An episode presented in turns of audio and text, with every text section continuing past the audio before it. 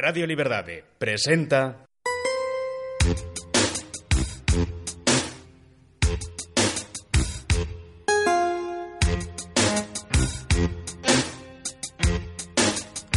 Caleidoscopio.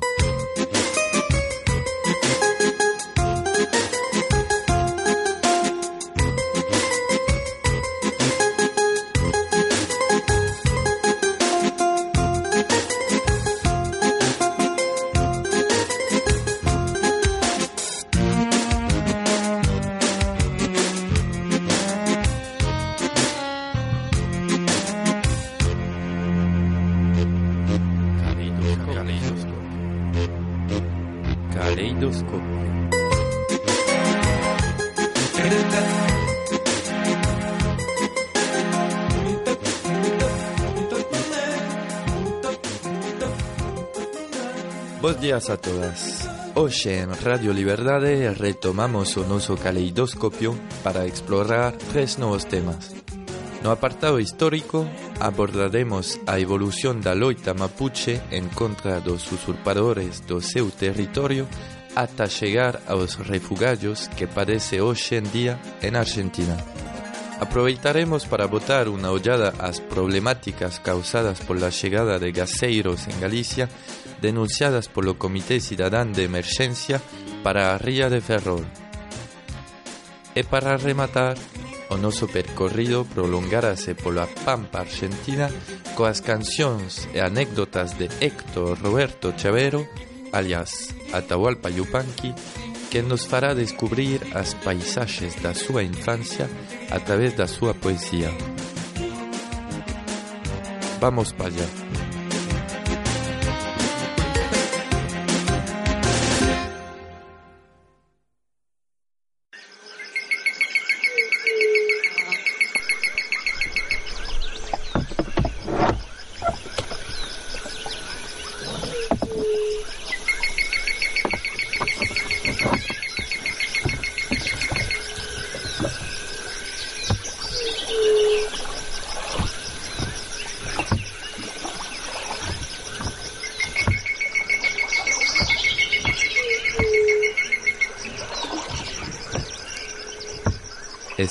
navegando no río Limay, o brazo máis importante do río Negro.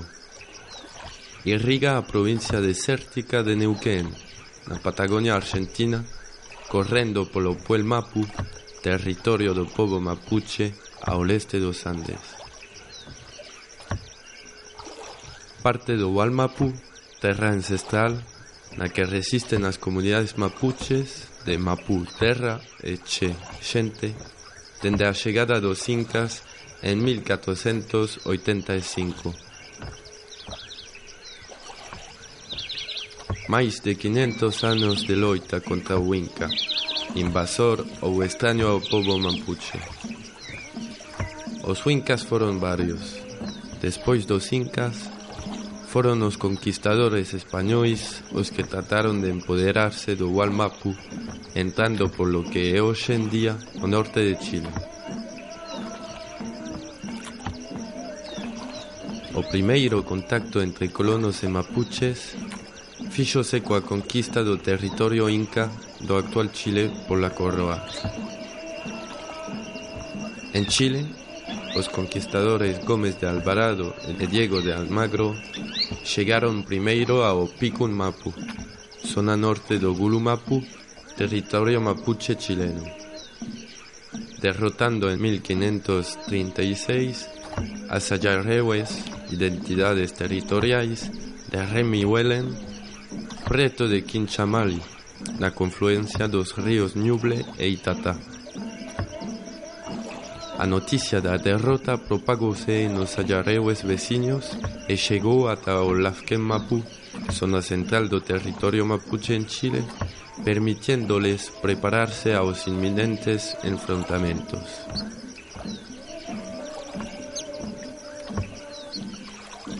A conquista foi retomada en 1540 por Pedro de Valdivia, coa colaboración de Michi Malonco, pertenecente á comunidade pechuenque, indígenas de Chile para os conquistadores, quen le proporcionou o seu coñecemento da rexión,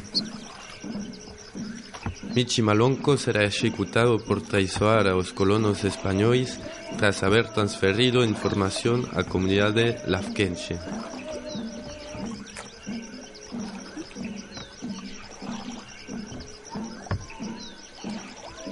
En 1546, Pedro de Valdivia fue el primer comandante español en enfrentarse y salir victorioso de una batalla contra los mapuches, o conducirá a su muerte la batalla del cuartel de Tucapel a finales del año 1553.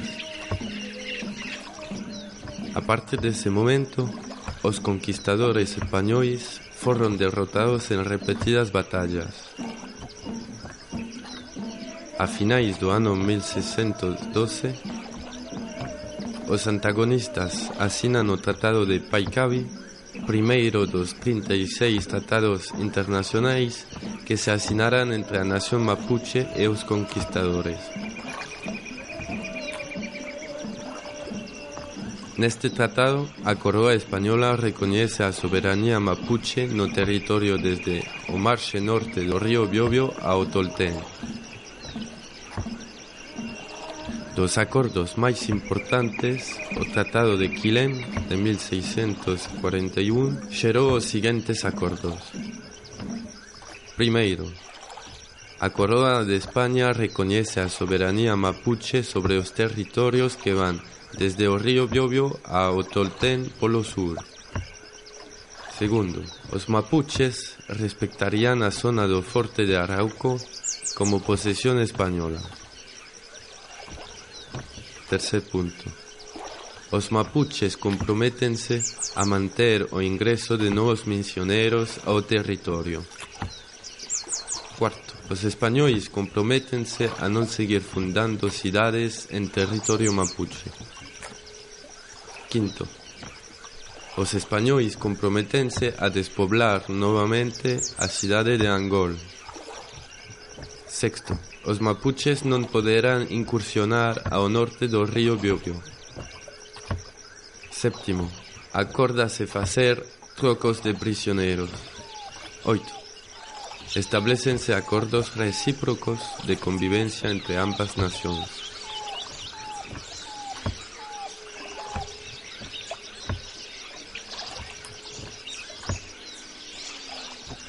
A soberanía dos mapuches nos seus territorios estaba asegurada e, a pesar de otros grandes levantamientos como en 1655, 1723, 1766, esta soberanía no fue contestada el territorio de Neuquén hasta la creación de las Provincias Unidas del Río de la Plata, que prefiguran la nación argentina que a partir de 1820 atravesa o río Salado e invade o territorio mapuche definido en 1780 por lo vicerrey Bertiz. A progresión dos comandantes Martín Rodríguez e Juan Manuel Rosas fai retroceder a fronteira do territorio mapuche ata Junín, Tapalque e Azul. En 1830, estalla una guerra civil entre las Provincias Unidas do Río da Plata, Liga do Litoral, lideradas por Juan Manuel Rosas, e las recién creadas Provincias Unitarias, Liga do Interior, lideradas por José María Paz.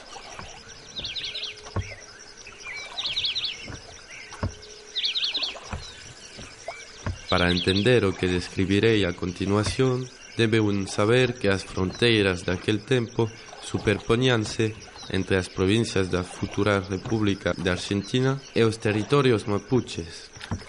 Non se pode considerar a división territorial como as que rexen o noso mundo hoxéndimo. A Liga do Interior contaba co apoio da Confederación Boroana, unha agrupación de loncos mapuches que nese momento ocupaban o territorio da Pampa.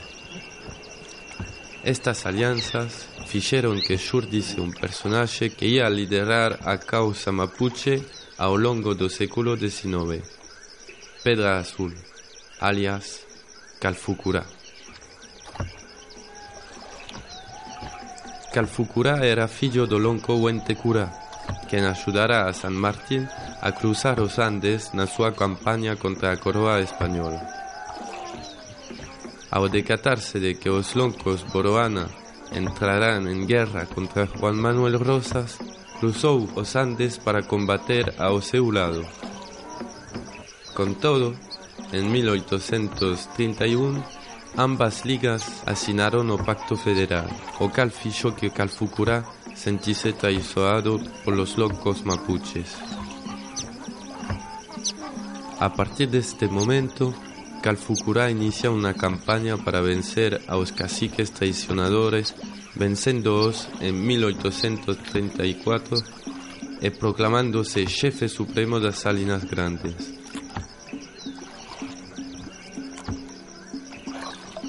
La importancia del control de las Salinas Grandes reside no feito de que o sal era o produto con mayor importancia na economía daquel tempo. Para poder enfrentar a repetidas ofensivas do general Rosas, Calfucurá conforma una confederación indígena que llegase a ter 5.000 combatentes unidos para a cosa mapuche.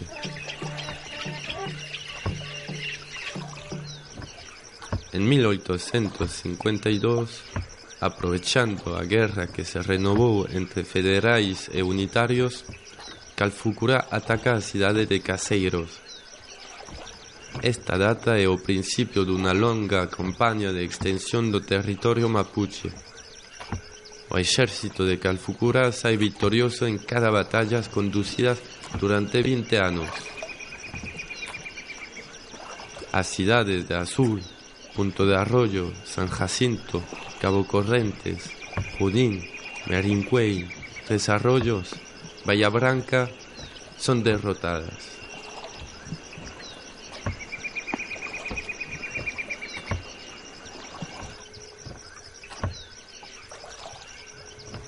A forza dos mapuches e os seus éxitos militares residen no Weichan Mapu, a confederación militar de todos os ayareues. La expresión más fuerte de la unidad mapuche fue liderada por Carfucurá, quien luchó contra los distintos gobiernos argentinos. Este cacique fue derrotado en 1872 en la batalla de San Carlos en una gran ofensiva organizada por los presidentes Sarmiento en San Carlos de Bolívar en contra de la Confederación Indígena y tras la liberación de todos y todas las presas indígenas, la ciudad de Bahía Branca.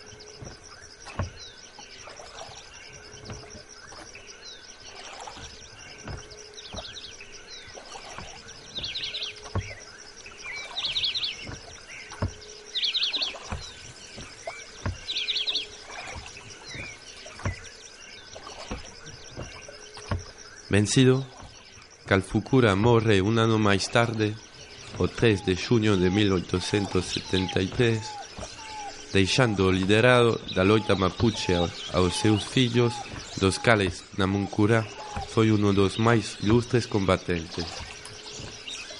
Sete anos mais tarde, os seus restos foram profanados e entregados ao Museu da Plata, onde en 1910 se repertoriaron unos 5.931 restos indígenas. Falecido Calfucura, o governo argentino tinha o caminho livre para empreender o que se denominou a conquista do deserto, uma aposta para 42 milhões de hectáreas de terras. Neste período, que ben pudesse chamar o genocidio dos indígenas, foi quando a nación argentina fixo-se dona dos territorios que hoxe en día seguen sendo os máis productivos do país, tanto nos sectores agrarios, mineiros como petroleiros.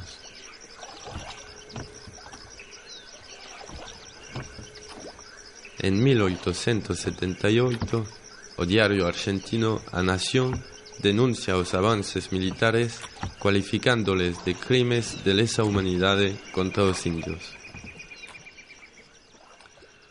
Fusilamentos en Villa Mercedes. O Povo Libre de Córdoba denuncia por carta que le remiten de Río Cuarto que o comandante Roca fixo fusilar a 60 indios ranqueles.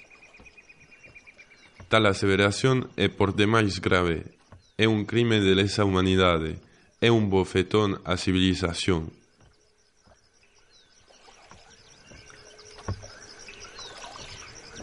A campaña do deserto iniciase en 1875 con Alcina. Xunto cos coronéis Levale, Villegas e Winter, Alcina logrou uns avances importantes e decisivos nos territorios da Confederación Indígena ao mando do lonco Namuncurá. O exército argentino conseguiu bloquear as rutas comerciais e ocupar as zonas de pastorreo dos mapuches. É o principio dun período de decadencia para a Confederación Indígena. En 1877 morre o ministro Alcina.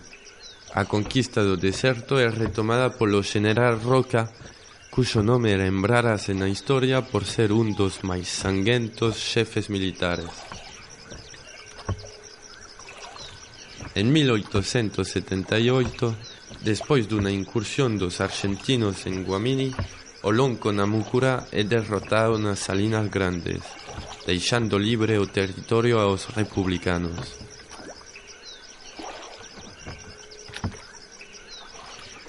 En 1879 iniciase una gran ofensiva de cinco columnas de soldados do exército republicano co objetivo de conquistar os últimos territorios mapuches.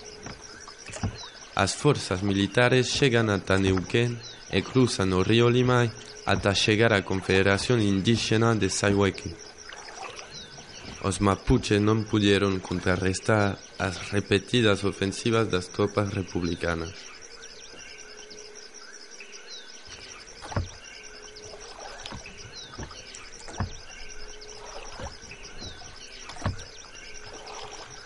En 1883, o presidente Roca escribe al comandante Villegas.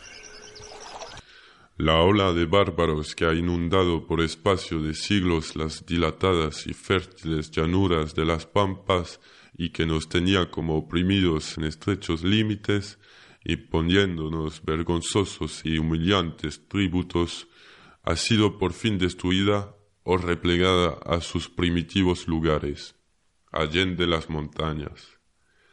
Estas románticas campañas al desierto es una lástima que concluyan. Era una admirable escuela para los jefes y oficiales del ejército.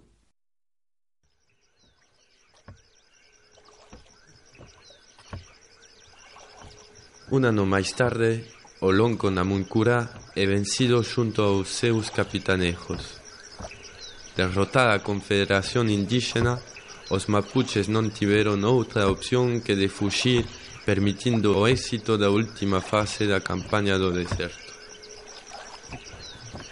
A vitoria dos republicanos significou o comezo da trata da nación mapuche, cuxos membros eran mandados dun lugar para outro para servir de forza de traballo nos azucareiros ou de domésticos. Os argentinos separaban as mulleres dos nenos e dos homes.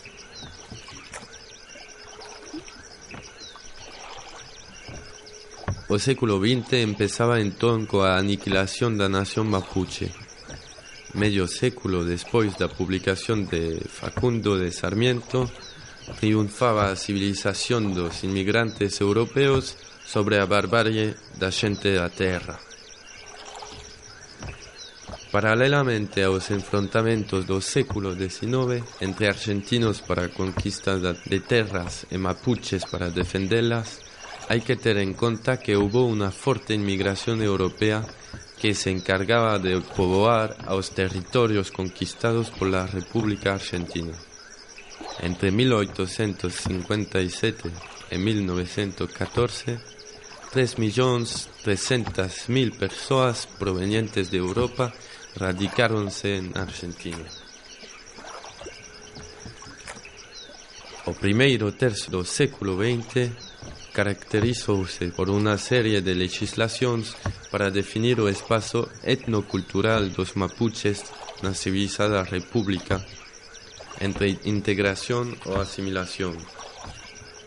As alternadas dictaduras non tiveron incidencias positivas na consideración dos mapuches como povo. Ainda que durante a gobernanza de Perón creáronse unas instituciones cuya responsabilidad era crear o marco jurídico para las comunidades mapuche, un ministro peronista resumió la situación de tal manera. A pregunta, ¿qué le ha dado el peronismo a los aborígenes? Respondió, si nada se les dio, nada se les quitó.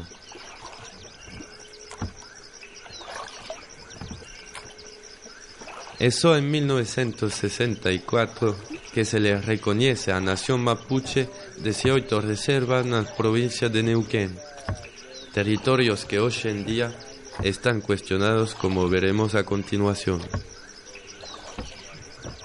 Después, la situación de los mapuches durante las siguientes dictaduras empeoró, hasta llegar a una total negación de las particularidades culturales del pueblo e un rexeitamento drástico á convivencia.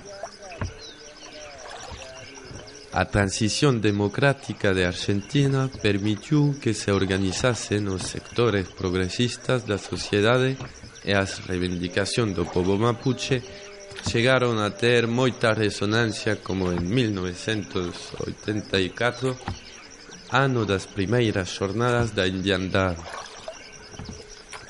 Ao nivel xurídico, promulgáronse leis a favor do recoñecemento da pluralidade étnica como a Lei Nacional 23.302 de 1985, política indígena e apoio ás comunidades aborígenes.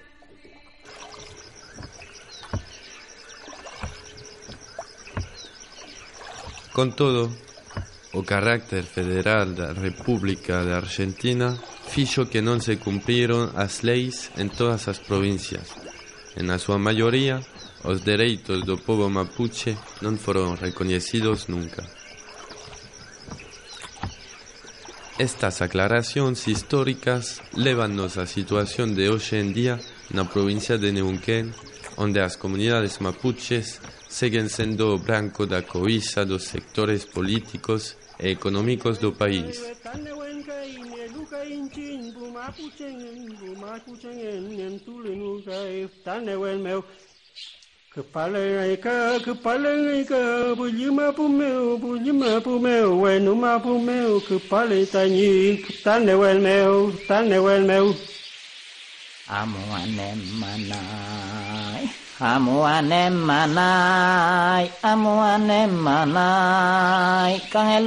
mèo cười nganye pe me ya pye nganye ke me pe nhi nganye ke me pe nhi mà lên mèo mà lên mèo mà lên mèo mà lên mèo cứ mẹ dung ngu an ai cứ mẹ dung ngu an ai ai mà pu chèn en pet mà lê yên cây ni yên ni yên kisu ngay yên kim an ngay ai ye kana chúng tôi chén ngã chúng tôi chén ngã chúng tôi chén ngã chúng tôi chén ngã chúng tôi chén ngã, tê bao na tiêu chén ngã chúng tôi chén ngã chúng tôi chén ngã, tê bao na tiêu chén ngã chúng tôi chén ngã chúng tôi chén ngã, tê bao na tiêu chén ngã Pichi chinge vule, pichi chinge vule, pichi chinge vule, wimaka vuyin, wimaka vuyin, tro na tu gen, chum tu jenga, chum tu jenga, chum tu jenga, chum tu jenga, tro na tu gen. Cotton wareke, cotton wareke, titiku meki, titiku meki, tro na tu gen, chum tu jenga. Hua lê chan tư ngà, hua lê chan tư ngà, hua lê chan tư ngà Cô về bà giá lù cô về bà giá lù coi về đi càng Hua lê chan tư ngà, hua lê chan tư ngà Cô về bà giá lù cô về bà giá lù coi về đi càng chantunga, kuve payalu, kuve payalu, kalpalikan. Cheu ma pua ma, cheu ma pua ma, ye me ngay mi, ye me ngay mi, cõi Tainquiñehuetuán, volver a ser uno, de María Elena Millanahuel. Siento que no puedo rechazar la herencia que traigo, brota en mí que tengo que cantar, por poco gritarlo. Nace en mí un algo que no sé, un fuego sagrado, entonces comienzo a loncotear mi cultrum tocando. Se abre mi garganta más y más, no puedo pararlo. Suenan trompes, de aquí para allá parezco soñando. Lágrimas me nacen al sentir que vuelvo en mi canto, a mi Patagonia donde ayer ya sé que he pisado. Un men que se cruza ancestral, parece observando, es el guía que yo he de seguir a tiempos lejanos. Los altares son testigos de ofrendas al chao, Descalzo bailo al amanecer junto a mis hermanos. Hoy he descubierto sin querer que debo gritarlo. Soy mapuche, como vos también, no intentes negarlo. Soy mapuche, como vos también, no intentes negarlo. Soy, yo soy, soy, yo soy gente de esta tierra, hinche, hinche, hinche mapuche. Soy mapuche, como vos también, no intentes negarlo.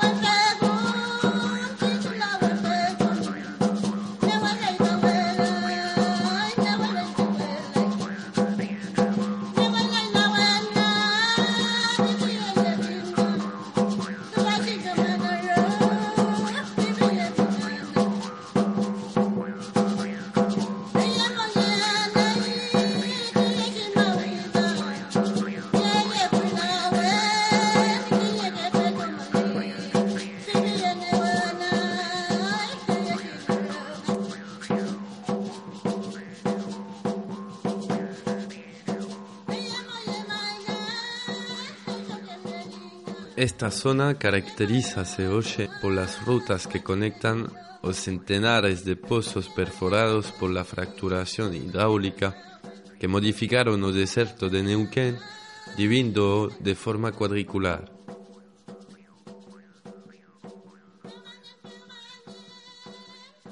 En 2013, un informe de la US Energy Information Administration señalaba que Vaca Muerta contaba con 8.721 milleiros de metros cúbicos de gas no subsolo, o que representaría varias veces el PIB de Argentina. Este depósito convierte a Argentina en el tercer país del mundo con mayor potencial de gas no convencional después de Estados Unidos y China un argumento suficiente para el Estado argentino para incrementar a velocidad con que se inauguran los pozos de extracción la región.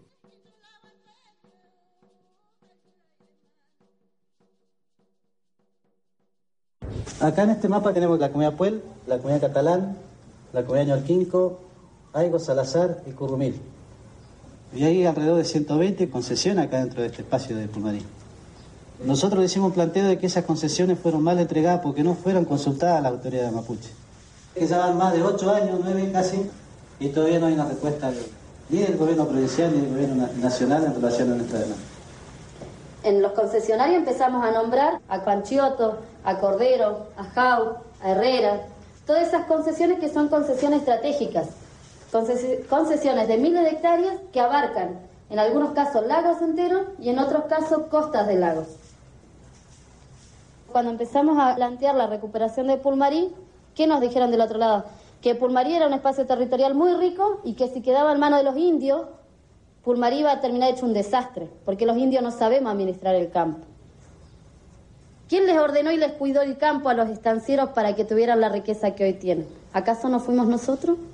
Entonces nosotros tuvimos capacidad para definir una política de ordenamiento territorial para otros, para quienes nos explotaban, para quienes se apoderaban de nuestro derecho territorial y nos utilizaban como mano de obra barata. Pero ¿quién promueve la fracturación hidráulica? ¿Quién inaugura estos pozos? ¿Quién saca un mayor beneficio de tales explotaciones? IPF.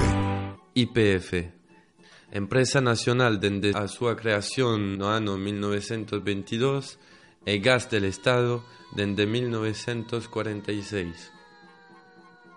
En 1992 entran en proceso de privatización y un año más tarde el 80% de IPF se encuentra privatizado. Entre 1999 y 2012, YPF estaba en mando del grupo español Repsol, que contaba con 57% de las acciones.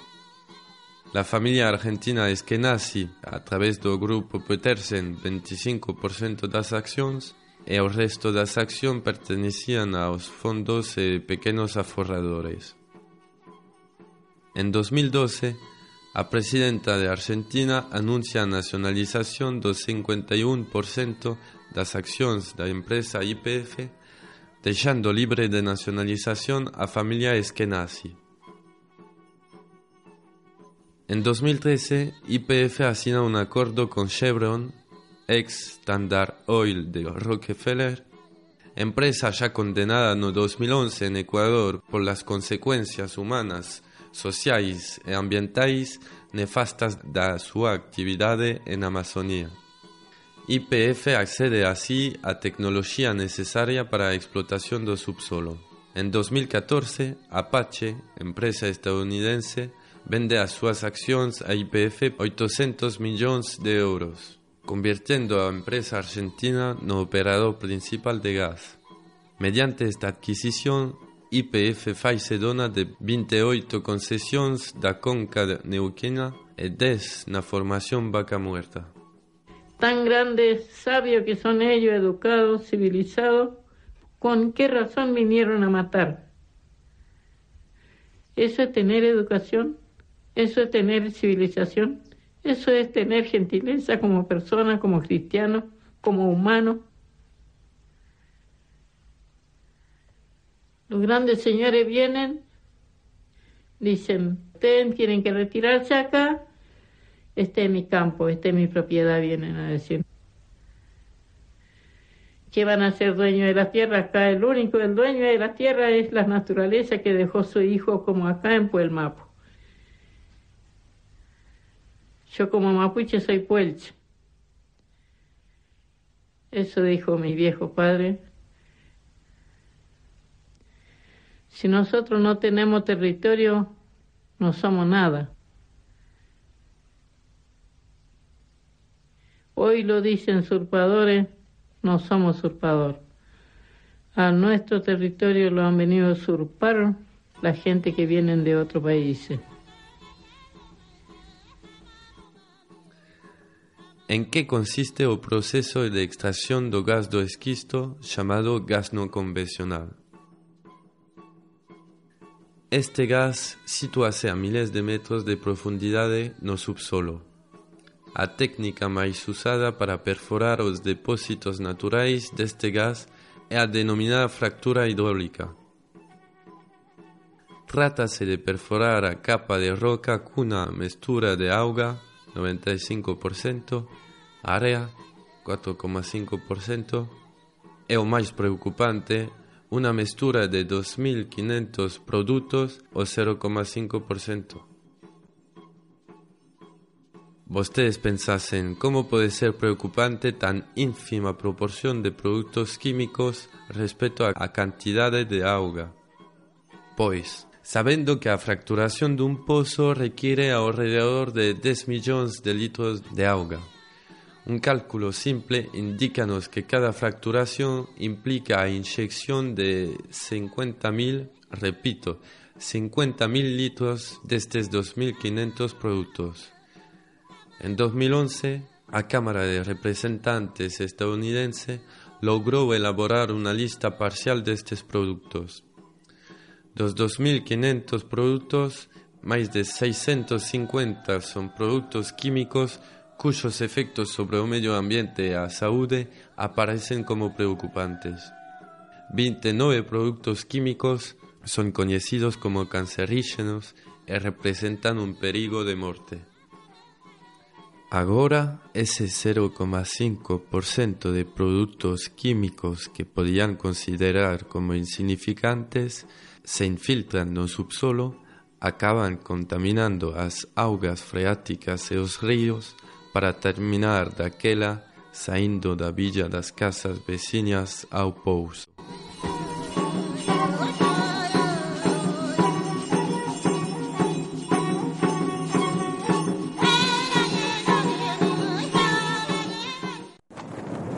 Mari Mari Compuche, bienvenidos a Territorio Mapuche. Mi nombre es Raúl eh, pertenezco a la Confederación Mapuche y bueno, también acompañamos a la comunidad en la resistencia al fracking. Es una preocupación para nosotros este nuevo método de explotación petrolera y bueno, por eso es muy saludable que hayan podido venir al lugar a conocer eh, este conflicto, ¿no? Y quisiera que contaran un poco eso, qué es lo que conversaron cuando se sentaron cara a cara con la empresa. Nosotros decidimos hacer una, una movilización, tomar a la empresa y, preguntarle qué tipo de pozo, qué, qué es lo que estaban haciendo. Qué lo, nosotros queríamos saber qué es lo que estaban haciendo. Eh, la empresa vino acá, se sentó con nosotros y nos ofrecía 13 mil pesos eh, para que nosotros estemos callados. Nosotros no podíamos saber nada de qué ellos hacían, qué tipo de pozo, qué tipo de químico usaban. Dijimos que no, no íbamos a aceptar 13 mil pesos, era a cambio de nuestra vida, era nuestra vida lo que estaba en juego, no 13 mil pesos. Y que nosotros no íbamos a aceptarlo. ¿Ustedes denunciaron a las petroleras? Y nosotros, eh, quizá la comunidad ha sido por, por todo esto, lo, del, lo de la conquista y todas estas cosas, nuestros ancianos no denunciaron enseguida. Ellos ahí tenían ese miedo de no reclamar, de no decir nada, porque sí iba a venir la policía, iba a venir la gendarmería que existía en ese tiempo, venía y los sacaba. Tenían miedo en que los sigan matando, en que los sigan torturando. Y de ahí los sacaron hace más o menos 100 años atrás.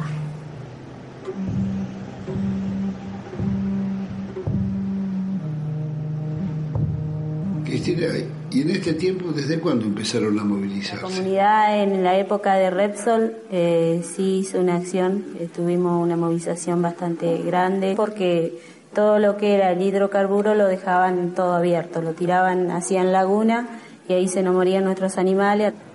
Nos criamos así, con la contaminación encima, con las lagunas estas de petróleo, que nosotros mismos como chicos íbamos, jugábamos adentro ahí.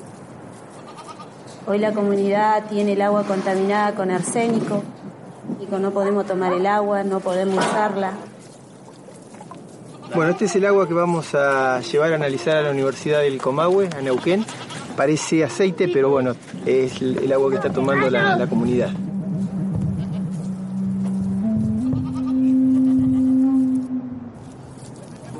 ¿Qué es lo que anda pasando con el rebaño, Villar? Y bueno, eh, es que se hinchaba la, la cabeza, todo así, se le murieron algunas chivas. Porque se hinchaba la cabeza, no, podían, no comían, no, no podían tomar agua. ¿Por el agua contaminada? Por el agua contaminada, sí, porque cuando que llegamos a la cordillera, a los pocos días nomás empezaron a morir. ¿Y esta es la misma agua que toman ustedes? Y sí, cuando no tenemos agua, sí tomamos esta agua.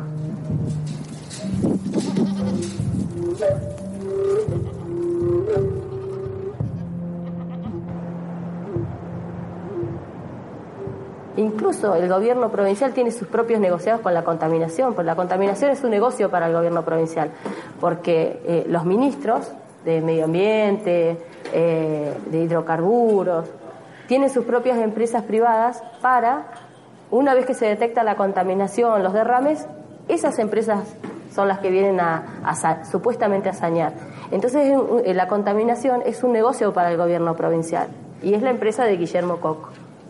Eh, claro, es la, empresa de Guillermo Coco la que va a sañar. El saneamiento sea como corresponde, porque si ahora vamos a recorrer el campo, vamos a ver cuál es el saneamiento que propone la provincia. Vamos a ir con una pala y vamos a ver que está el petróleo ahí tirado.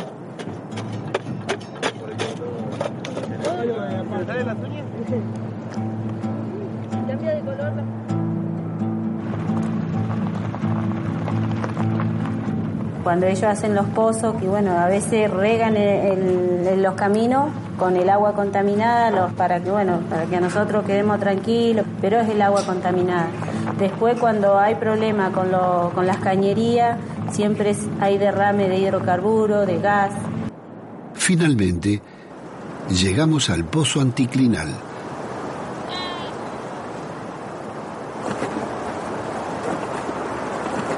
estamos en, un peletón que hicieron la empresa Pache, donde depositaron 30 millones de litros de agua. Bueno, esto lo hicieron en el tiempo verano, cuando la comunidad estaba en la veranada. Ellos aprovecharon esos tres meses para hacer este pozo no convencional hace dos años. El agua lo traían del acuífero de Zapala. Y bueno, los pozos, como se ven, están allí. Allí hay uno, allá hay otro. Tenemos que caminar más para allá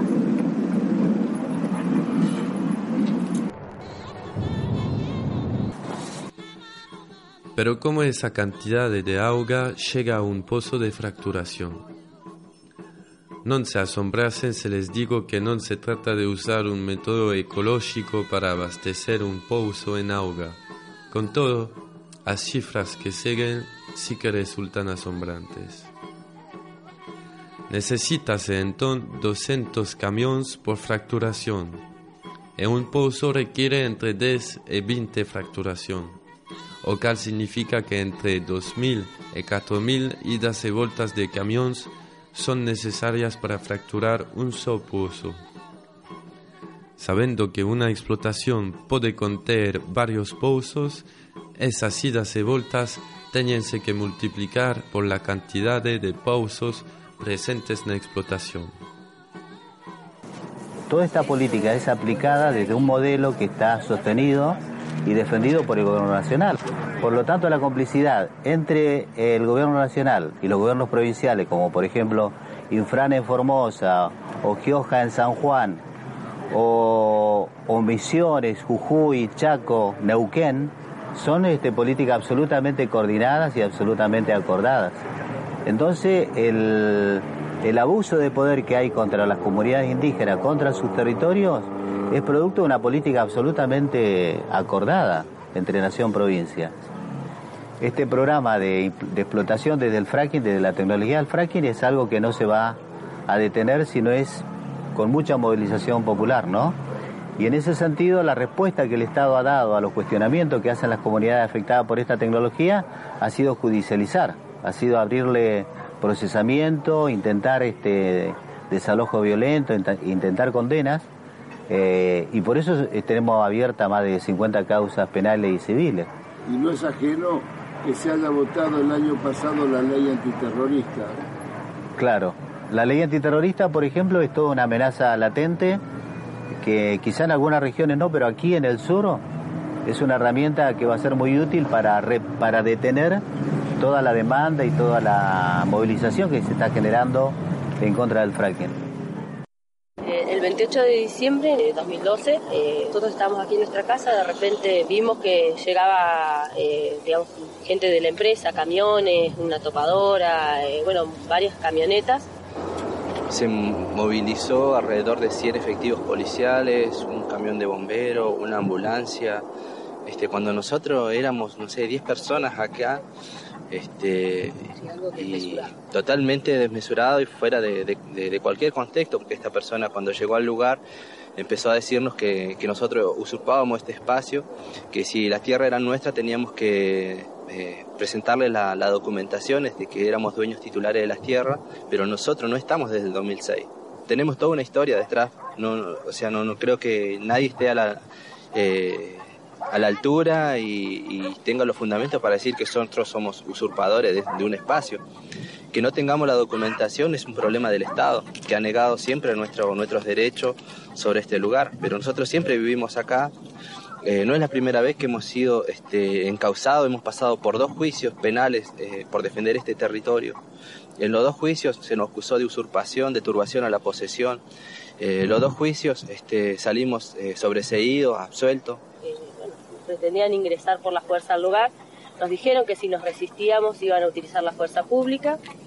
Y bueno, nosotros le dijimos que no, que no iban a poder entrar, que nosotros estábamos con nuestros hijos, éramos en ese momento, nos tomaron de sorpresa, éramos pocos.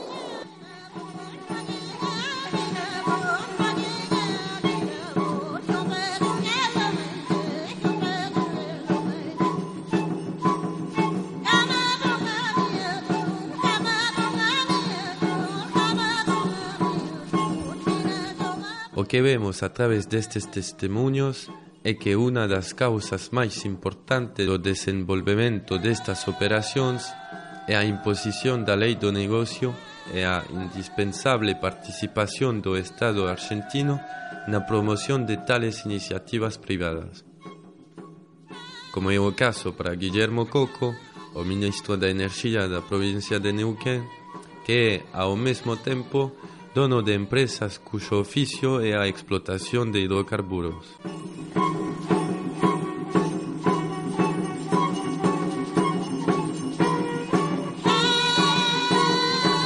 A continuación, veremos que a complicidade do Estado coas empresas privadas é tamén unha realidade en Galiza. O exemplo da planta reganosa da Ría de Ferrol é un exemplo relevante. Escoitamos a Manuel Rodríguez do Comité Cidadán de Emerxencia para a Ría de Ferrol.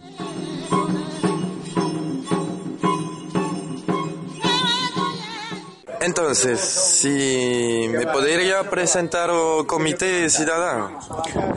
Bueno, o Comité Cidadán de Emergencia para a Ría de Ferrol nos constituímos no ano 2011 xa vai facer eh, 16 anos e desde entón estamos peleando primeiro para que a planta de gas non se instalar no interior da Ría de Ferrol e agora para quitala do interior da Ría de Ferrol e tendo en conta que despois de 16 anos o Tribunal Supremo determinou precisamente de Guadalón a razón declarando a ilegalidade desta planta con catro sentencias, tres delas consecutivas, en contra precisamente da súa legalidade. De acuerdo.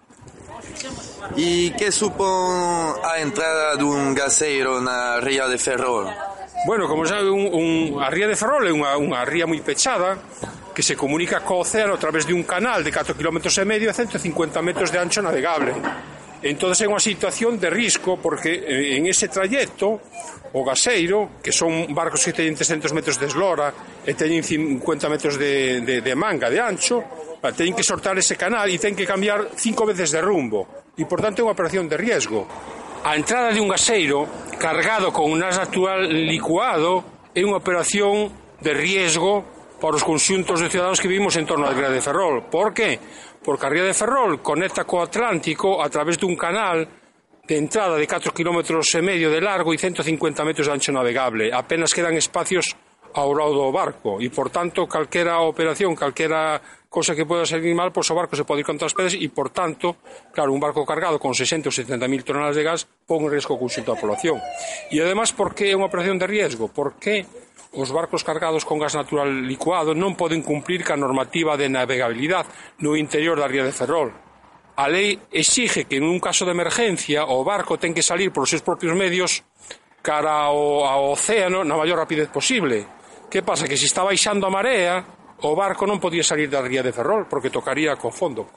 Aí, aí baixa mar, e a mar baixa uns metros, e, por tanto, non pode cumprir. Por eso, eh, nosotros decimos que esta é unha, unha entrada ilegal e que é unha operación de riesgo para o conxunto dos ciudadanos. Por eso protestamos e cada vez que entra un barco cargado, un gasero cargado con gas, fomos a concentración para denunciar este feito.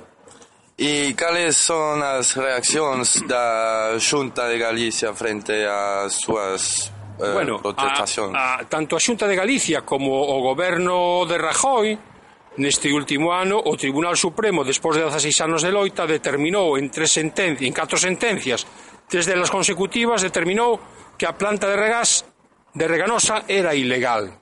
É dicir, anulou a autorización administrativa previa, anulou a autorización de construción e anulou, e anulou o plan de emergencia da planta e o goberno de Rajoy en funcións en ese momento, en vez de aplicar a sentencia do tribunal e paralizar a actividade da planta, decideu excluir a instalación de Reganosa da planta de gas da aplicación da lei. É dicir, un, un caso único de fraude, de corrutela, precisamente un goberno que tiña que cumplir a sentencia. Y entonces existen intereses económicos, ¿no? Por... Claro. Evidentemente, o a planta de gas de Reganosa, que na ría de Ferrol a planta de gas estaba prevista instalala no porto exterior, para iso se fixo o porto exterior, se decideu relocalizala no interior da ría de Ferrol polos designios do Grupo Tojeiro. Por qué? Porque así o, su, o Grupo Tojeiro, en terreos da súa propiedad, pudo pegar un pelotazo urbanístico de 30 millóns de euros. E iso o fixo coa complicidade do Goberno da Xunta co señor Fraga. E desde entonces a Xunta de Galicia forma parte do accionariado de Reganosa, dunha instalación ilegal que incumple a lei e dunha instalación peligrosa. Por eso es que no hai eh, aplicación de la lei acá. Claro, claro, por eso a, o goberno da Xunta forma parte precisamente para darlle impunidade a esta a esta a esta corruptela, é dicir que un unha institución que está en fraude en fraude de lei. O señor Feijó e, e toda a súa a súa cuadrilla, no, de goberno. Y en julio del año pasado se importó gas eh, de, eh, procedente del fracking Estados Unidos. Sí. Entonces se podría decir que a Junta de Galicia y más Sí. eh, en general, en general eh, o goberno de España apoya ese método de extracción, ¿no? Eh... Claro, eh, non é casual que aquí nunca se importou o gas que se importa normalmente vende de, dos países de África, o norte de África, de Argelia, pode vir de Nigeria ou pode vir de América de Trinidad Tobago ou de Perú como máximo, pero nunca de Estados Unidos. É a primeira vez que ven Estados Unidos e a primeira vez que entra un gaseiro no Estado español con gas procedente da técnica do fracking. E por que fan isto? O fan precisamente para estimular e para promover o uso incluso desa, desa, desa técnica no, no, no, no Estado, no? Eh, eu estou convencido que o fan, que o fan por eso, precisamente cando saben, ademais, que a opinión, a maioría da ciudadanía está contra contra esta, este tipo de, de técnica nociva e perniciosa para o medio ambiente, no? ¿Y cuánto tiempo lleva Reganosa practicando eh, esa importación ilegal porque no cumple esas leyes de seguridad? Eh, ¿Cuánto tiempo? Bueno, vamos a ver, Reganosa empezó a funcionar no ano 2007. E vai, vai facer ahora, pois si mm, vai facer ahora dez anos que empezou o seu funcionamiento de forma ilegal. Hai que dicir que a primeira sentencia de ilegalidade da planta xa ven no ano 2004, eh? por parte do Tribunal Superior de Justicia de Galicia. E agora, recentemente, no 2016, é cando por fin se termina todo o proceso judicial e Cando o Tribunal Supremo determina precisamente que é o, o último tribunal determina a ilegalidade desta, desta, desta instalación, non? Pois pues de acordo, moitas gracias. Eh. Gracias a vosotros.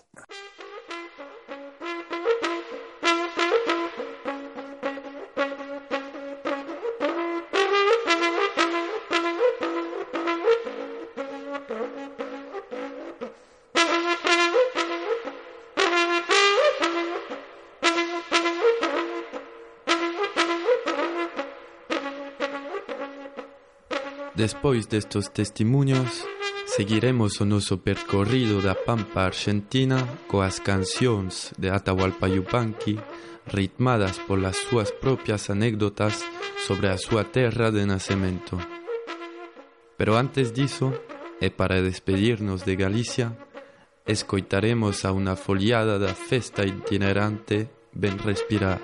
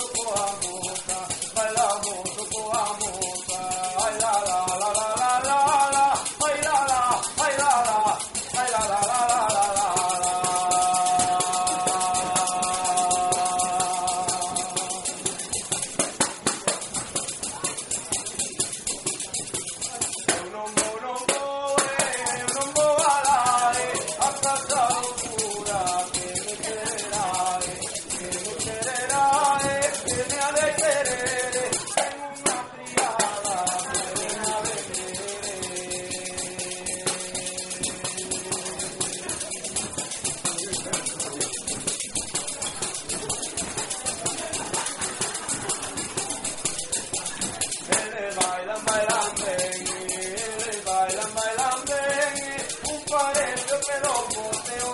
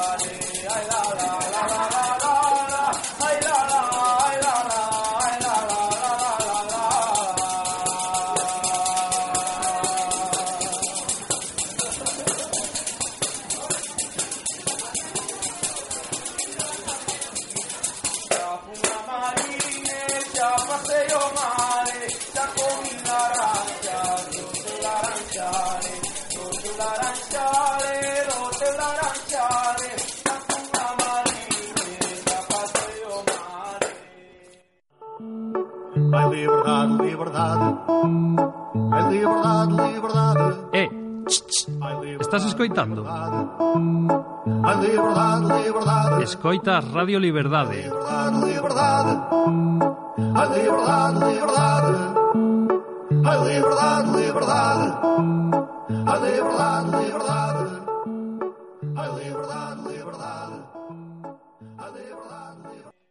La primera música fue la espuela, el ruido de la espuela, el, el magnífico ruido de la espuela.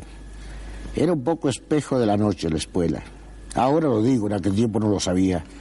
Pero cuando ya a los 14 o 15 años andaba con espuelas de plata, en aquel tiempo las espuelas de plata valían 100 pesetas. Cualquiera, cualquier pobre tenía espuelas de plata. Que era lindo cuando asomaba las estrellas de noche, cuando, se, cuando la noche nos roba la tarde y, y se, se empieza a entoldar de estrellas el cielo, ¿no? Era lindo verlas reflejarse en la espuela. Le hacía como guiños, como quien guiña el ojo. eh, La, la estrella se refleja en la espuela y le hace guiños. Entonces, pareciera que el adolescente comenzara a crecer. Ya, ya, ya está un poco en hombre y sobre todo a caballo.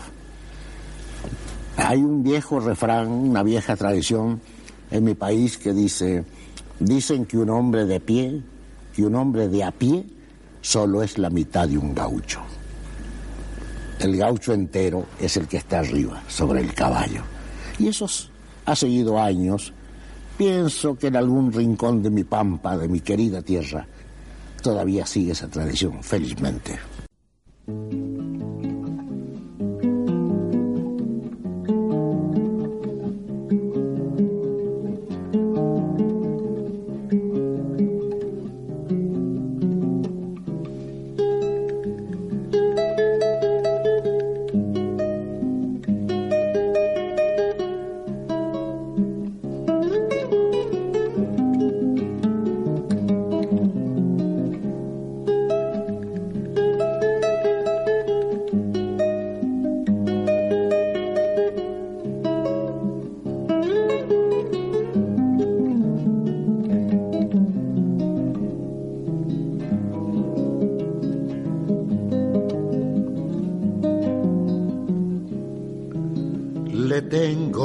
Rabia al silencio por lo mucho que perdí.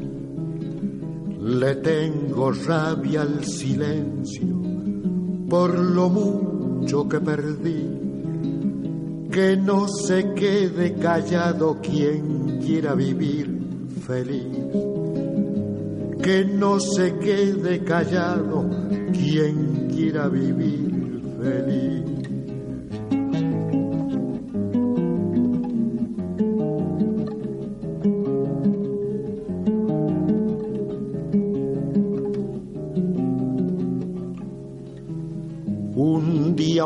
A caballo y en la selva me metí.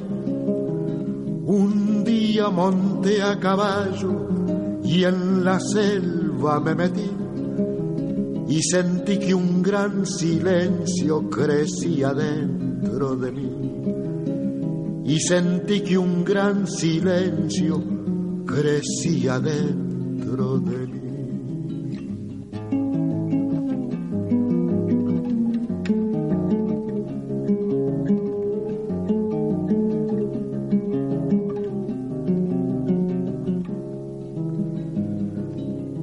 Hay silencio en mi guitarra cuando canto el yarabí. Hay silencio en mi guitarra cuando canto el yarabí. Y lo mejor de mi canto se queda dentro de mí. Y lo mejor de mi canto se queda dentro de mí.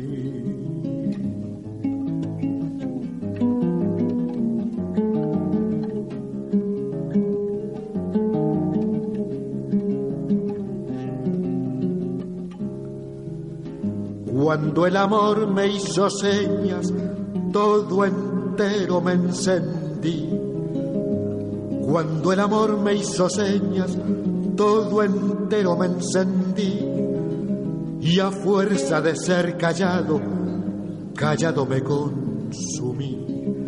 Y a fuerza de ser callado, callado me consumí. Le tengo rabia al silencio por lo mucho que perdí. Que no se quede callado quien quiera vivir feliz.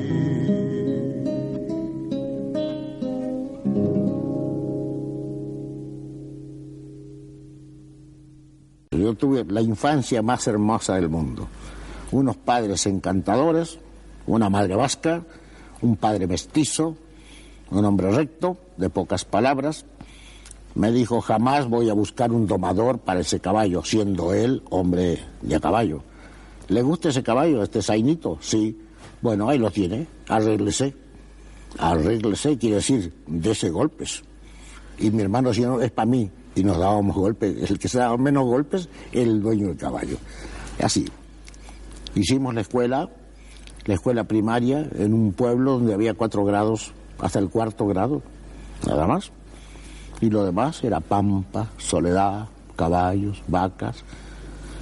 No había reloj. La iglesia de nuestro pueblo, una pequeña parroquia, tenía un cura que se llamaba Rosains, el padre Rosains, catalán. Apareció por ahí un joven sacerdote, violinista. Me mandaron a estudiar violín con el padre Rosains. Estudié un año y medio y un día me descubrió que estaba tocando música folclórica en el violín, cosa que él no podía admitir. Yo tenía que tocar el método de Fontova, ¿no? los estudios, el re, el do, las, las escalitas. Y yo estaba ya tocando dancitas y, y melodías de la pampa. Entonces me dio un mamporro y me dijo, vete, ¿no? Y nunca más dejé, dejé el violín. Y un día se perdió el cura, se fue, luego lo cambiaron de parroquia y me quedé sin maestro, sin violín, sin, sin eso.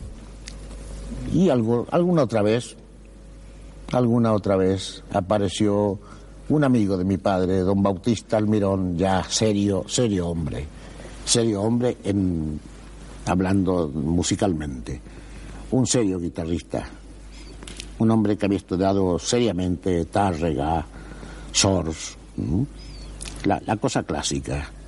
Fue el que me colocó las manos en la guitarra, que me, me, enseñó cómo se debe poner las manos en la guitarra, cosa que después olvidé, pero en aquel tiempo la aprendí, la aprendí.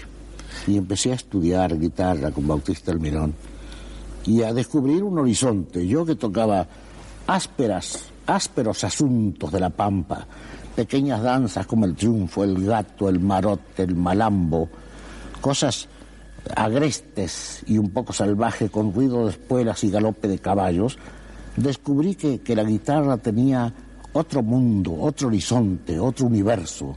Lo descubrí por el maestro Almirón, cuando escuchaba Albeniz, Granados, Mozart, Bach, Scarlatti. Yo decía, ¿qué pasa con esto? ¿Qué es esto? Este es un mundo que yo no conocía. Me deslumbró extraordinariamente, sin abandonar por eso lo que los peones tocaban en los galpones cuando juntaban el maíz para mandar a los vagones y llenar las, los sacos, las que nosotros llamamos bolsas, uh -huh. acá le llaman sacos, de maíz en los vagones, el maíz, el trigo, la cebada, porque era una pampa de cereal, de ganado, de caballos, de vacas y cereales.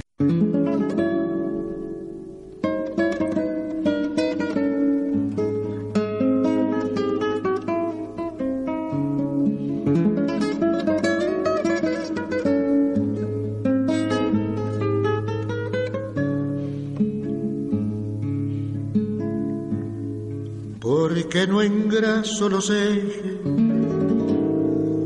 Me llaman abandonado porque no engraso los ejes. Me llaman abandonado si a mí me gusta que suene pa que los quiero engrasar Si a mí me gusta que suene, ¿pa' qué los quiero engrasar?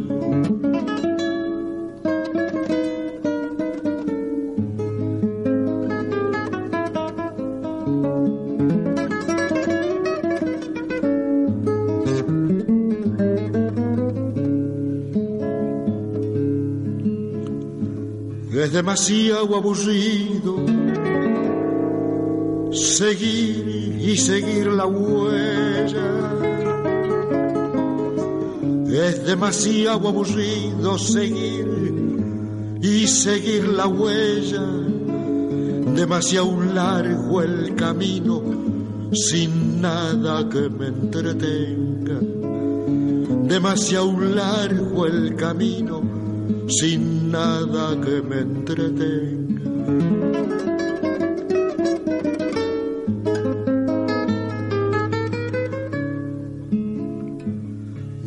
Necesito silencio. Yo no tengo en qué pensar. No necesito silencio. Yo no tengo en qué pensar. Tenía, pero hace tiempo. Ahora ya no pienso más tenía pero hace tiempo, ahora ya no pienso más. Los ejes de mi carreta nunca los voy a engrasar.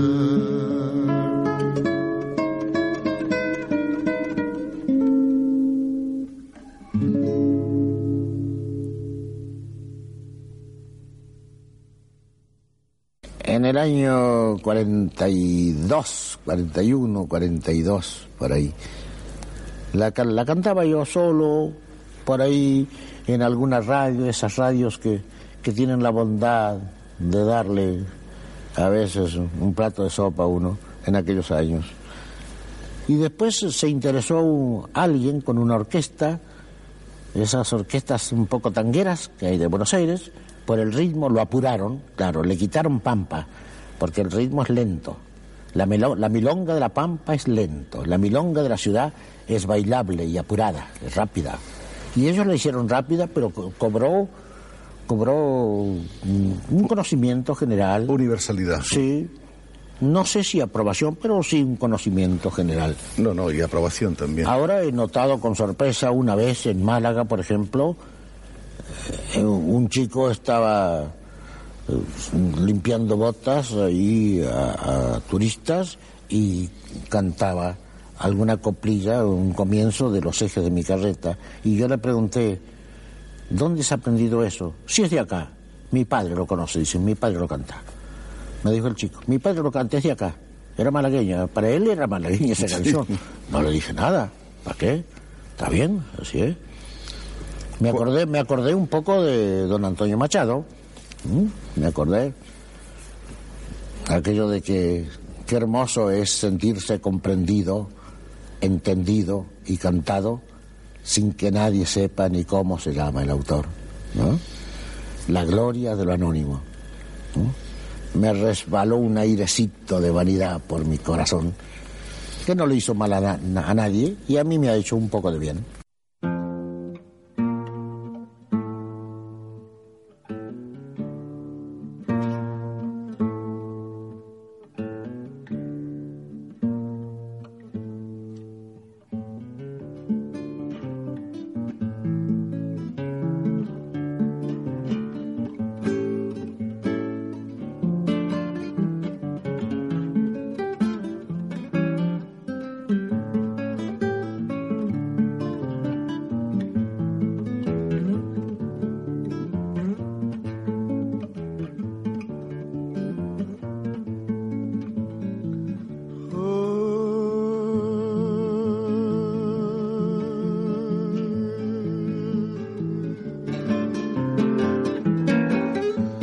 Ya viene la madrugada, los gallos están cantando, compadre están anunciando que ya empieza la jornada.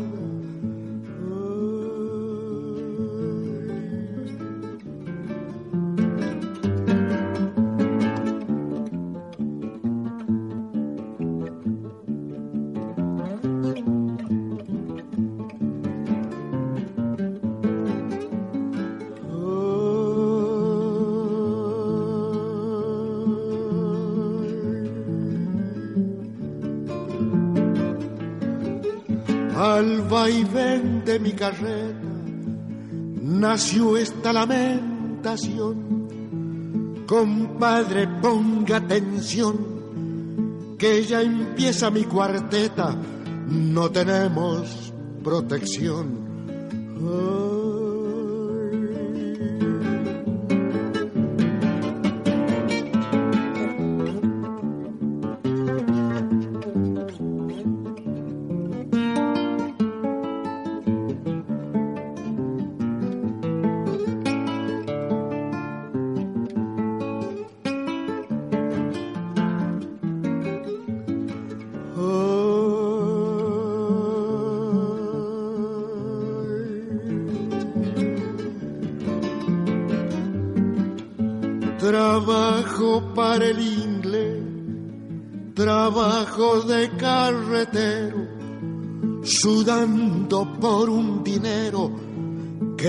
mano no se ve.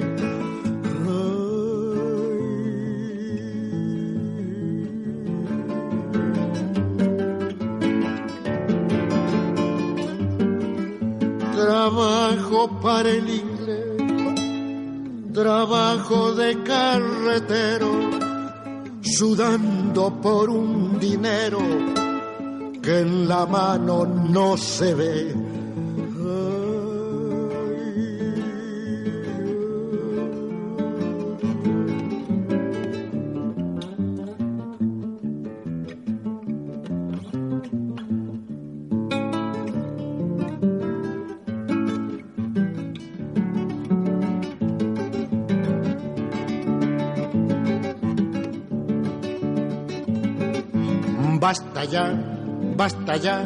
Basta ya que el yanqui mande, basta ya, basta ya, basta ya que el yanqui mande, basta ya, basta ya, basta ya que el yanqui mande. El yanqui vive en palacio, yo vivo en un barracón. El yanqui vive en palacio, yo vivo en un barracón. ¿Cómo es posible que viva el yanqui mejor que yo? Basta ya, basta ya, basta ya que el yanqui mande. Basta ya, basta ya, basta ya que el yanqui mande. ¿Qué pasa con mis hermanos de México y Panamá? ¿Qué pasa con mis hermanos de México y Panamá? Sus padres fueron esclavos, sus hijos no lo serán. Basta ya, basta ya, basta ya que el yanqui mande. Basta ya, basta ya, basta ya que el yanqui mande. Yo de pequeño aprendí a luchar por esa paz. Yo de pequeño aprendí a luchar por esa paz. De grande lo repetí y a la cárcel fui a. Basta ya, basta ya, basta ya que el yanqui mande. Basta ya, basta ya, basta ya que el yanqui mande. ¿Quién ha ganado la guerra en los montes del Vietnam? ¿Quién ha ganado la guerra en los montes del Vietnam? El guerrillero en su tierra y el yanqui en el cinema.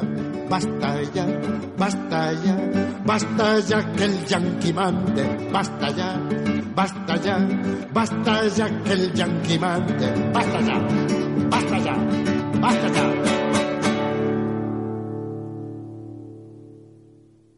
a Tucumán. Ahí, ahí descubrí yo lo que es la samba, el otro aire, la flauta de caña, el indio, el mestizo, el cañaveral, los montes, los helechos de o 12 metros de alto, una planta de helecho que en, en La Pampa tienen un metro el más grande, allá tenían 12 metros, el subtrópico, otro paisaje.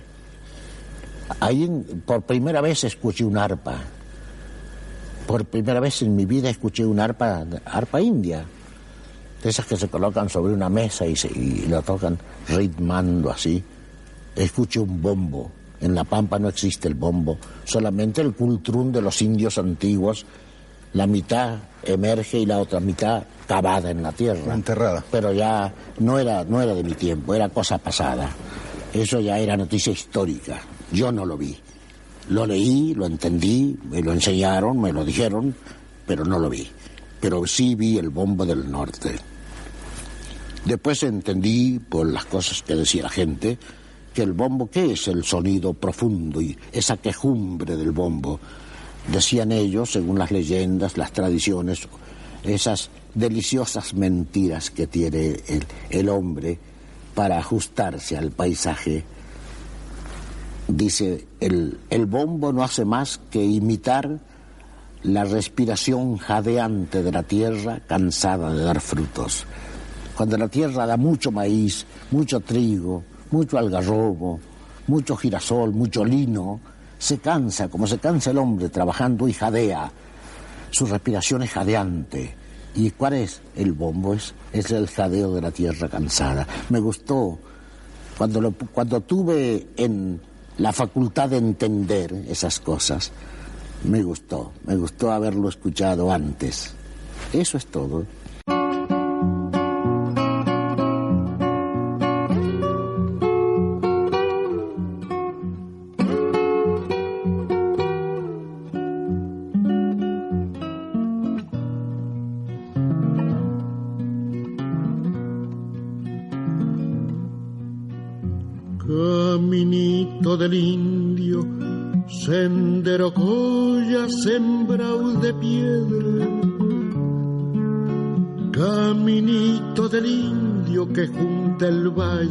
Las estrellas.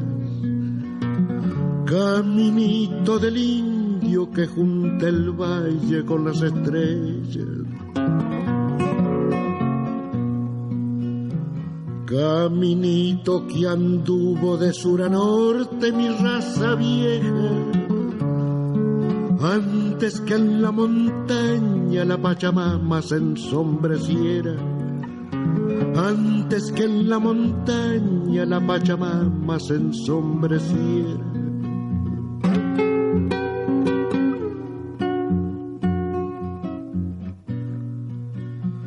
cantando en el cerro, llorando en el río.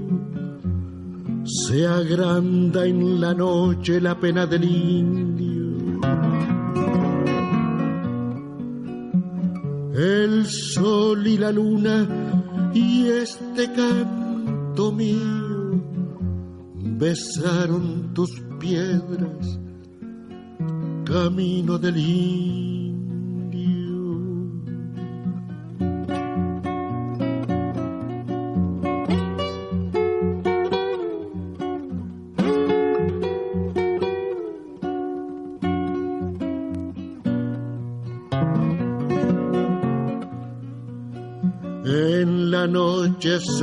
serrana llora la quena su honda nostalgia. Y el caminito sabe cuál es la chola que el indio llama. Y el caminito sabe cuál es la chola que el indio llama. Se levanta en el cerro la voz doliente de la baguala y el camino lamenta ser el culpable de la distancia. Y el camino lamenta ser el culpable de la distancia.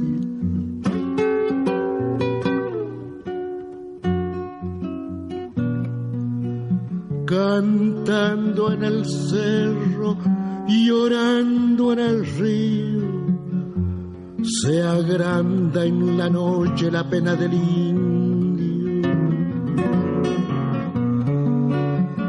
Sol y la luna y este canto mío. Besaron tus piedras, camino del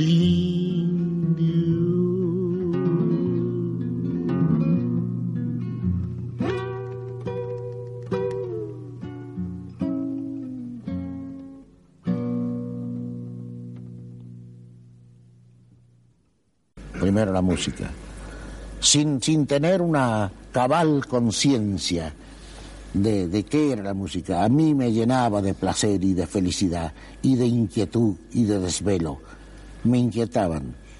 Después empecé a notar, a los 3, 12 años, 14 años, empecé a notar qué es lo descriptivo, qué es lo subjetivo, por qué elige un ritmo el hombre cuando quiere contar una carrera de caballos o un duelo de, puñal entre dos gauchos enfadados.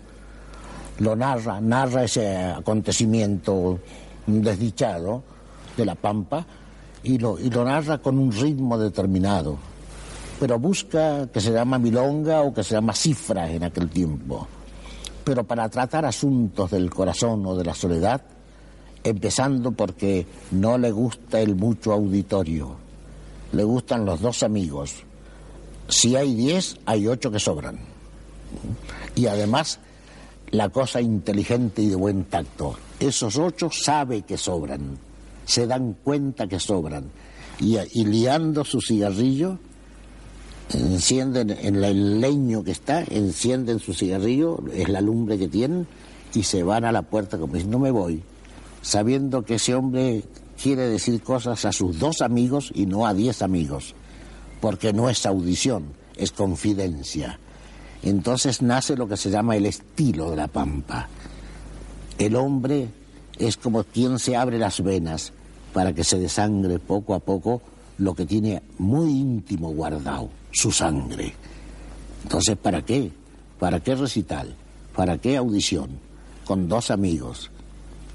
Una vez le preguntaron, Justino Leiva, era un hombre, ya tenía bigote gris, yo tenía siete años, ocho años.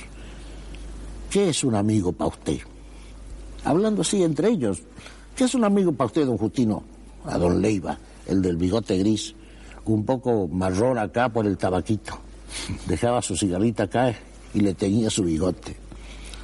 Y dijo una cosa que todo el mundo se rió y yo acompañé la sonrisa o la risa de la gente sin darme cuenta. Años después me di cuenta eh, que había ahondado, que había dicho cosas con, con tercera dimensión. ¿Qué es un amigo para usted? Un amigo, y lo pensó y fumó dos pitaditas, Dice, un amigo es uno mismo con otro cuero. ¿Qué tal? ¿Qué tal? ¿Eh? Es uno mismo con otra piel. Eso es un amigo.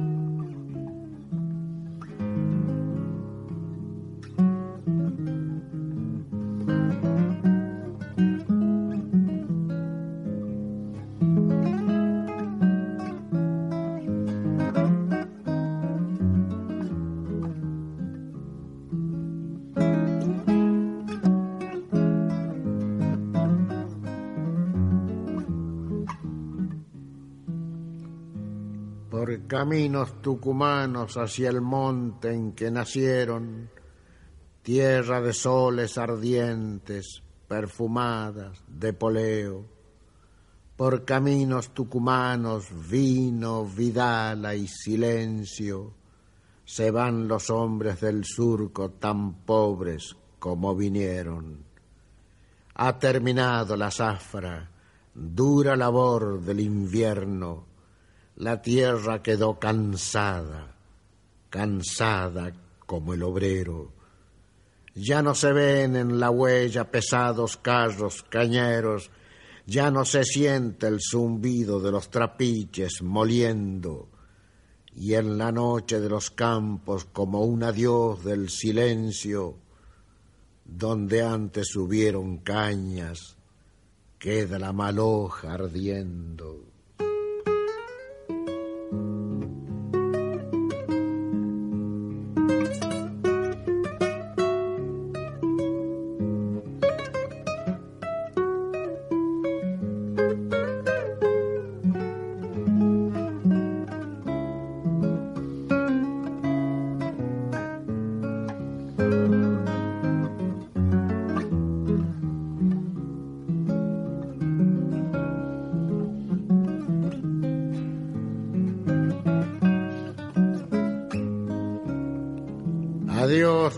Tucumana, caminos que llevan lejos me han de separar mañana de tus campos y tu cerro. Ya no he de ver en los surcos curtidos brazos obreros luchando de sol a sol por lo que siempre es ajeno. Ya no he de mirar la luna asomando atrás del cerro, ni el camino de Tafí, piedra, canción y recuerdo.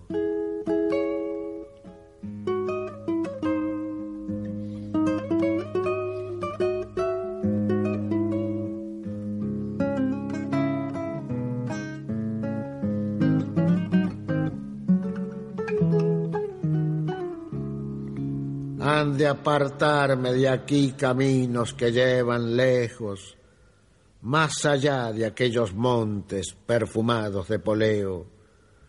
Soy como el cañaveral, tierra que rinde al esfuerzo. Mis flores son de verano, pero adentro llevo inviernos. Soy como el cañaveral, con sol y fruto y silencios, y en el alma voy quemando la maloja de mis sueños.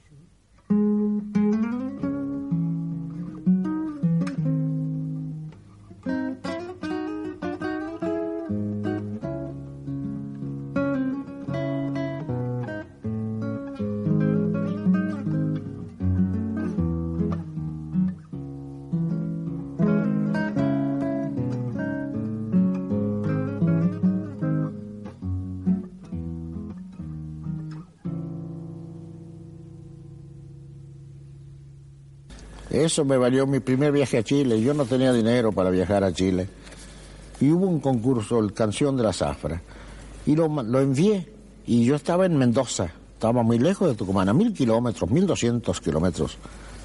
Y me llegó la noticia que había ganado el, premio.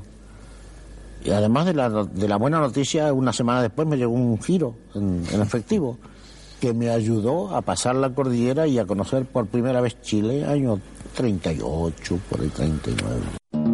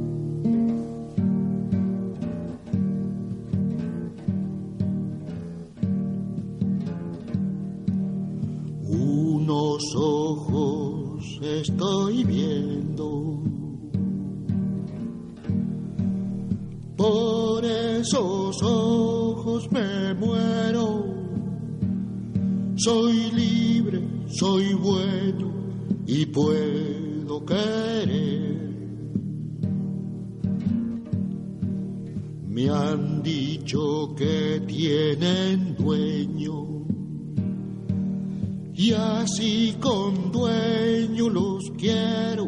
Soy libre, soy bueno y puedo querer.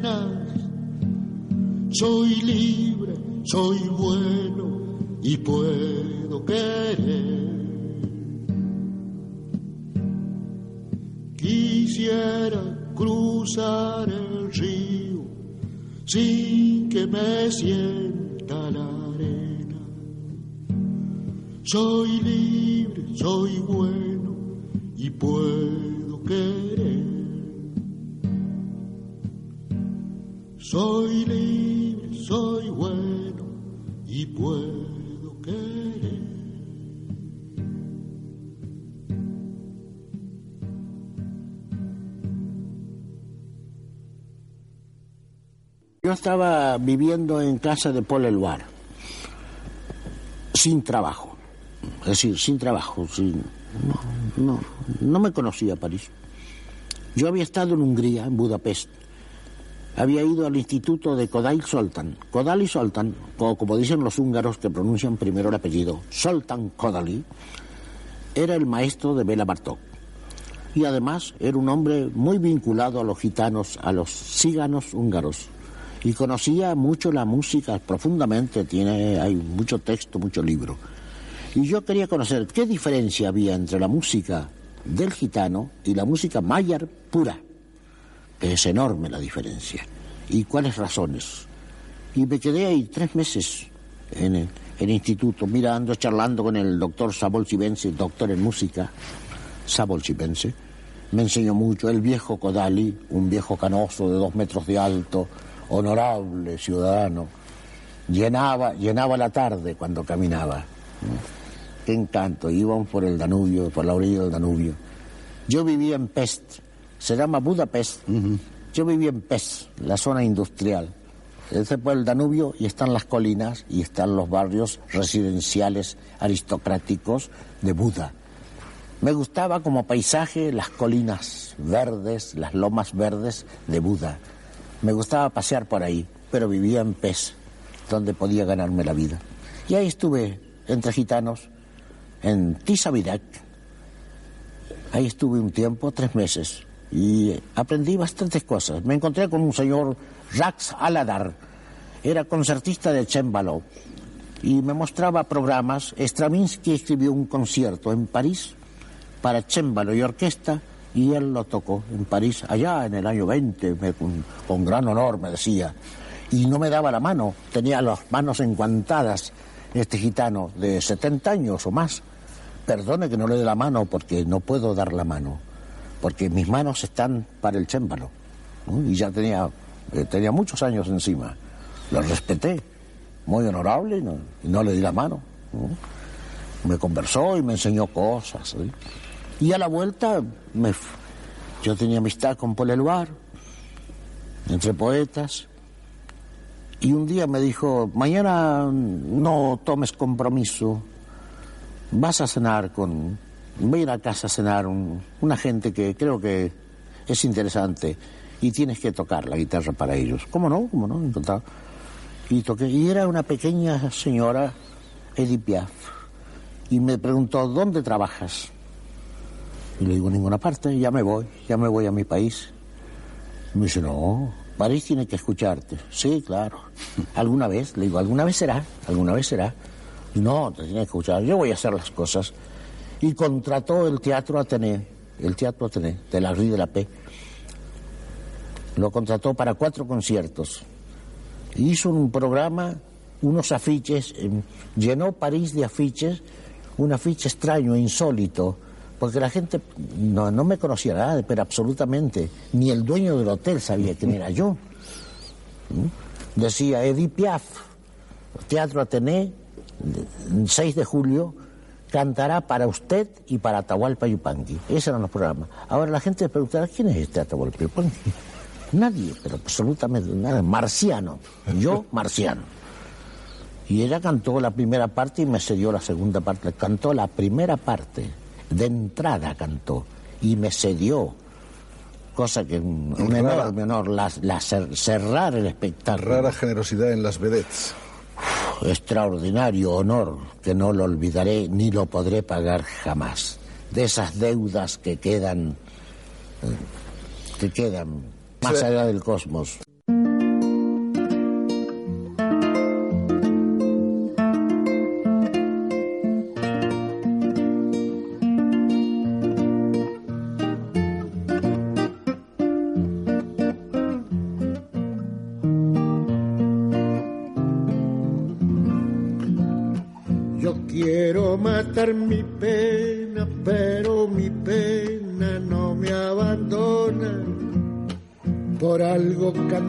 Esta samba que han de llamar la llorona.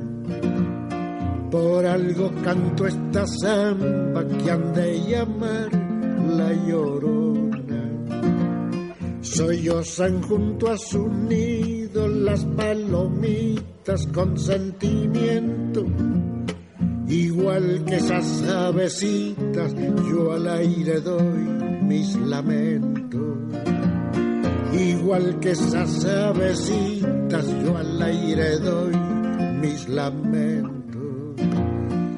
¿Dónde te has ido, paloma mía?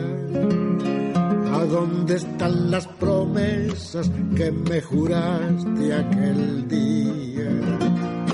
¿A dónde están las promesas que me juraste aquel día?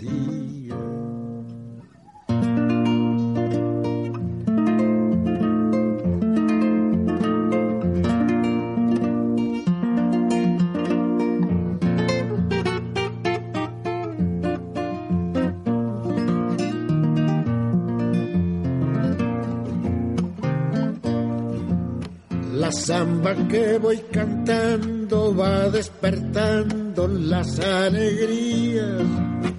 No saben que en ella canto las propias desdichas mías. No saben que en ella canto las propias desdichas mías. Por más que ocultar yo quiero los mil pesares que me atormentan. Llorando van las guitarras y ella por mí se lamenta. Llorando van las guitarras y ella por mí se lamenta. ¿Dónde te has ido? ¿Quién te ha llevado? Mi corazón día y noche como el crespín te ha llamado. Corazón día y noche como el crespín te ha llamado. El que no está demasiado cansado, generalmente por orgullo, que eso es un privilegio muy, muy de la pampa y tal vez heredado de aquí, de aquí, de, de- de la vieja España. El hombre esconde su cansancio, lo disfraza o lo adorna. Entonces, en el galpón de los peones se juntan 30 hombres, cuidan mucho su caballo, quieren mucho su caballo, lo bañan, le quitan el sudor con el revés del puñal, no con el filo, con el revés del puñal, le van quitando el sudor con el agua mientras lo bañan y lo sueltan a pastar. Y lo miran un rato y recién entran después al, al real, que llamamos, en aquel tiempo se llamaba el real, donde había un fogón, carne asada, no faltaba. Y, y- y por ahí se entretenían conversando sus cuentos, sus bromas, sus sentencias.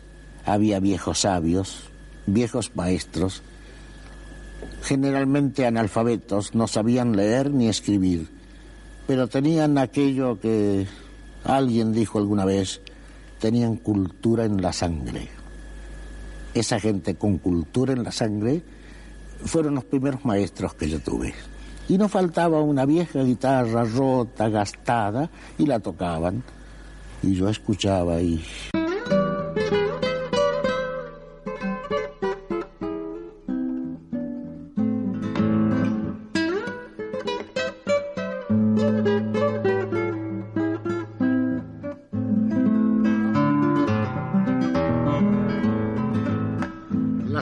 samba para hacer samba es pañuelo y es adiós. Y es samba de luna y rancho si la baila el corazón. Y es samba de luna y rancho si la baila el corazón. Si yo tuviera un amor, ay que samba cantaría con magia de medianoche, con lujos de mediodía. Con magia de medianoche, con lujos de mediodía. Desde la hondura del monte, el bombo llamando está, y el corazón suspirando, y el canto se va y se va y el corazón suspirando y el canto se va y se va.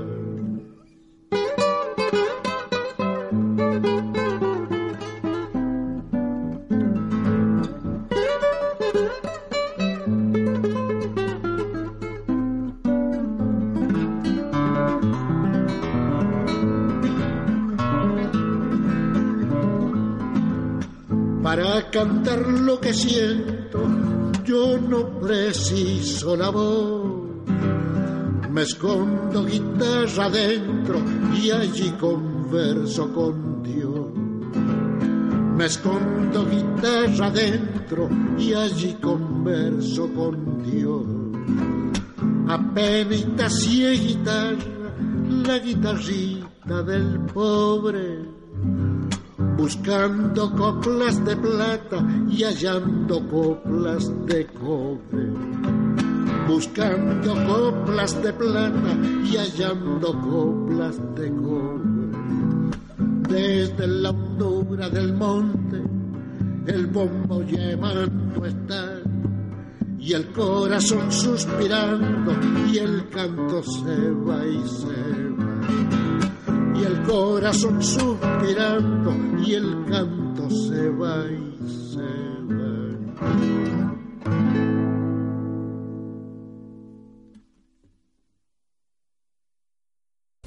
No sé quién dijo alguna vez, la pampa nuestra es tan grande, tan extensa, que Tata Dios tuvo que ponerle un horizonte, como diciendo a Red, "Va, a- aquí nomás, pare, y le inventó un mar.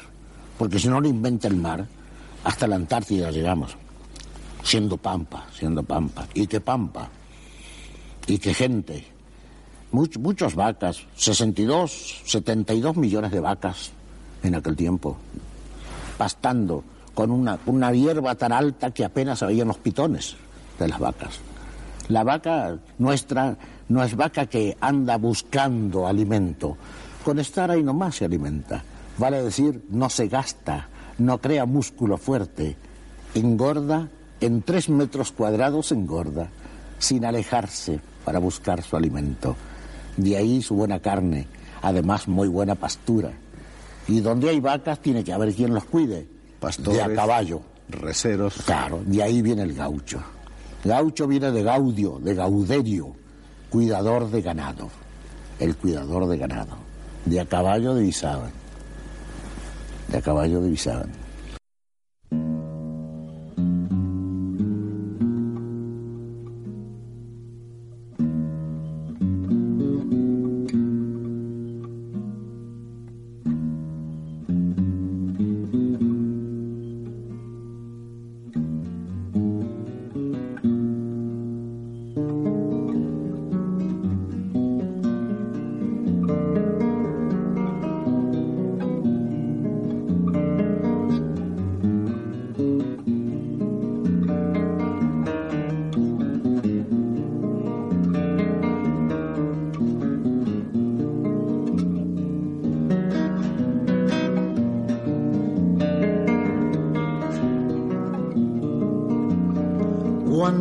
vayas a los campos, no te apartes del camino, que puedes pisar el sueño de los abuelos dormidos. Campesino, campesino, por ti canto campesino.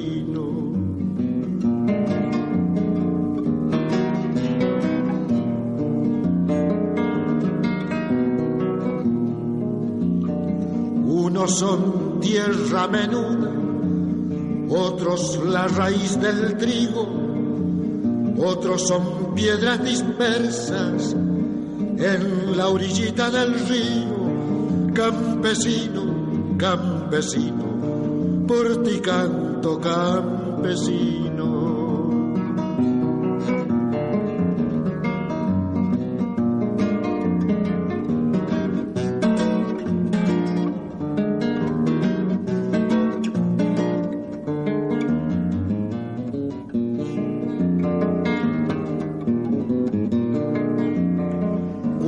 Cuántas veces, cuántas veces, más allá del sembradío, en la fragua de las tardes, fueron a templar su grito, campesino, campesino, por ti canto campesino.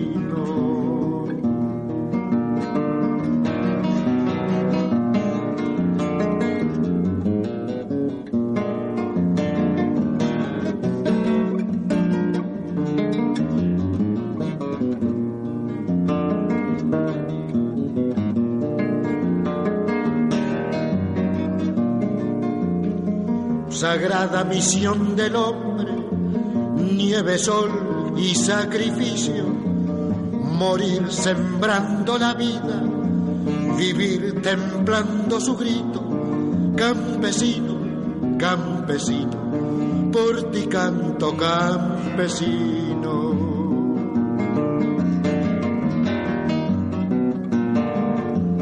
Cuando vayas a los campos, no te apartes del camino, que puedes pisar el sueño de los abuelos dormidos, nunca muertos, si dormidos, nunca muertos, si dormidos, campesino, campesino, nunca muertos, si dormidos, cuando vayas a los campos, no te apartes del camino, que puedes pisar el sueño de los abuelos dormidos, nunca muertos, si dormidos, nunca muertos, si dormidos, campesino, campesino, por ti canto, campesino, por ti canto, campesino.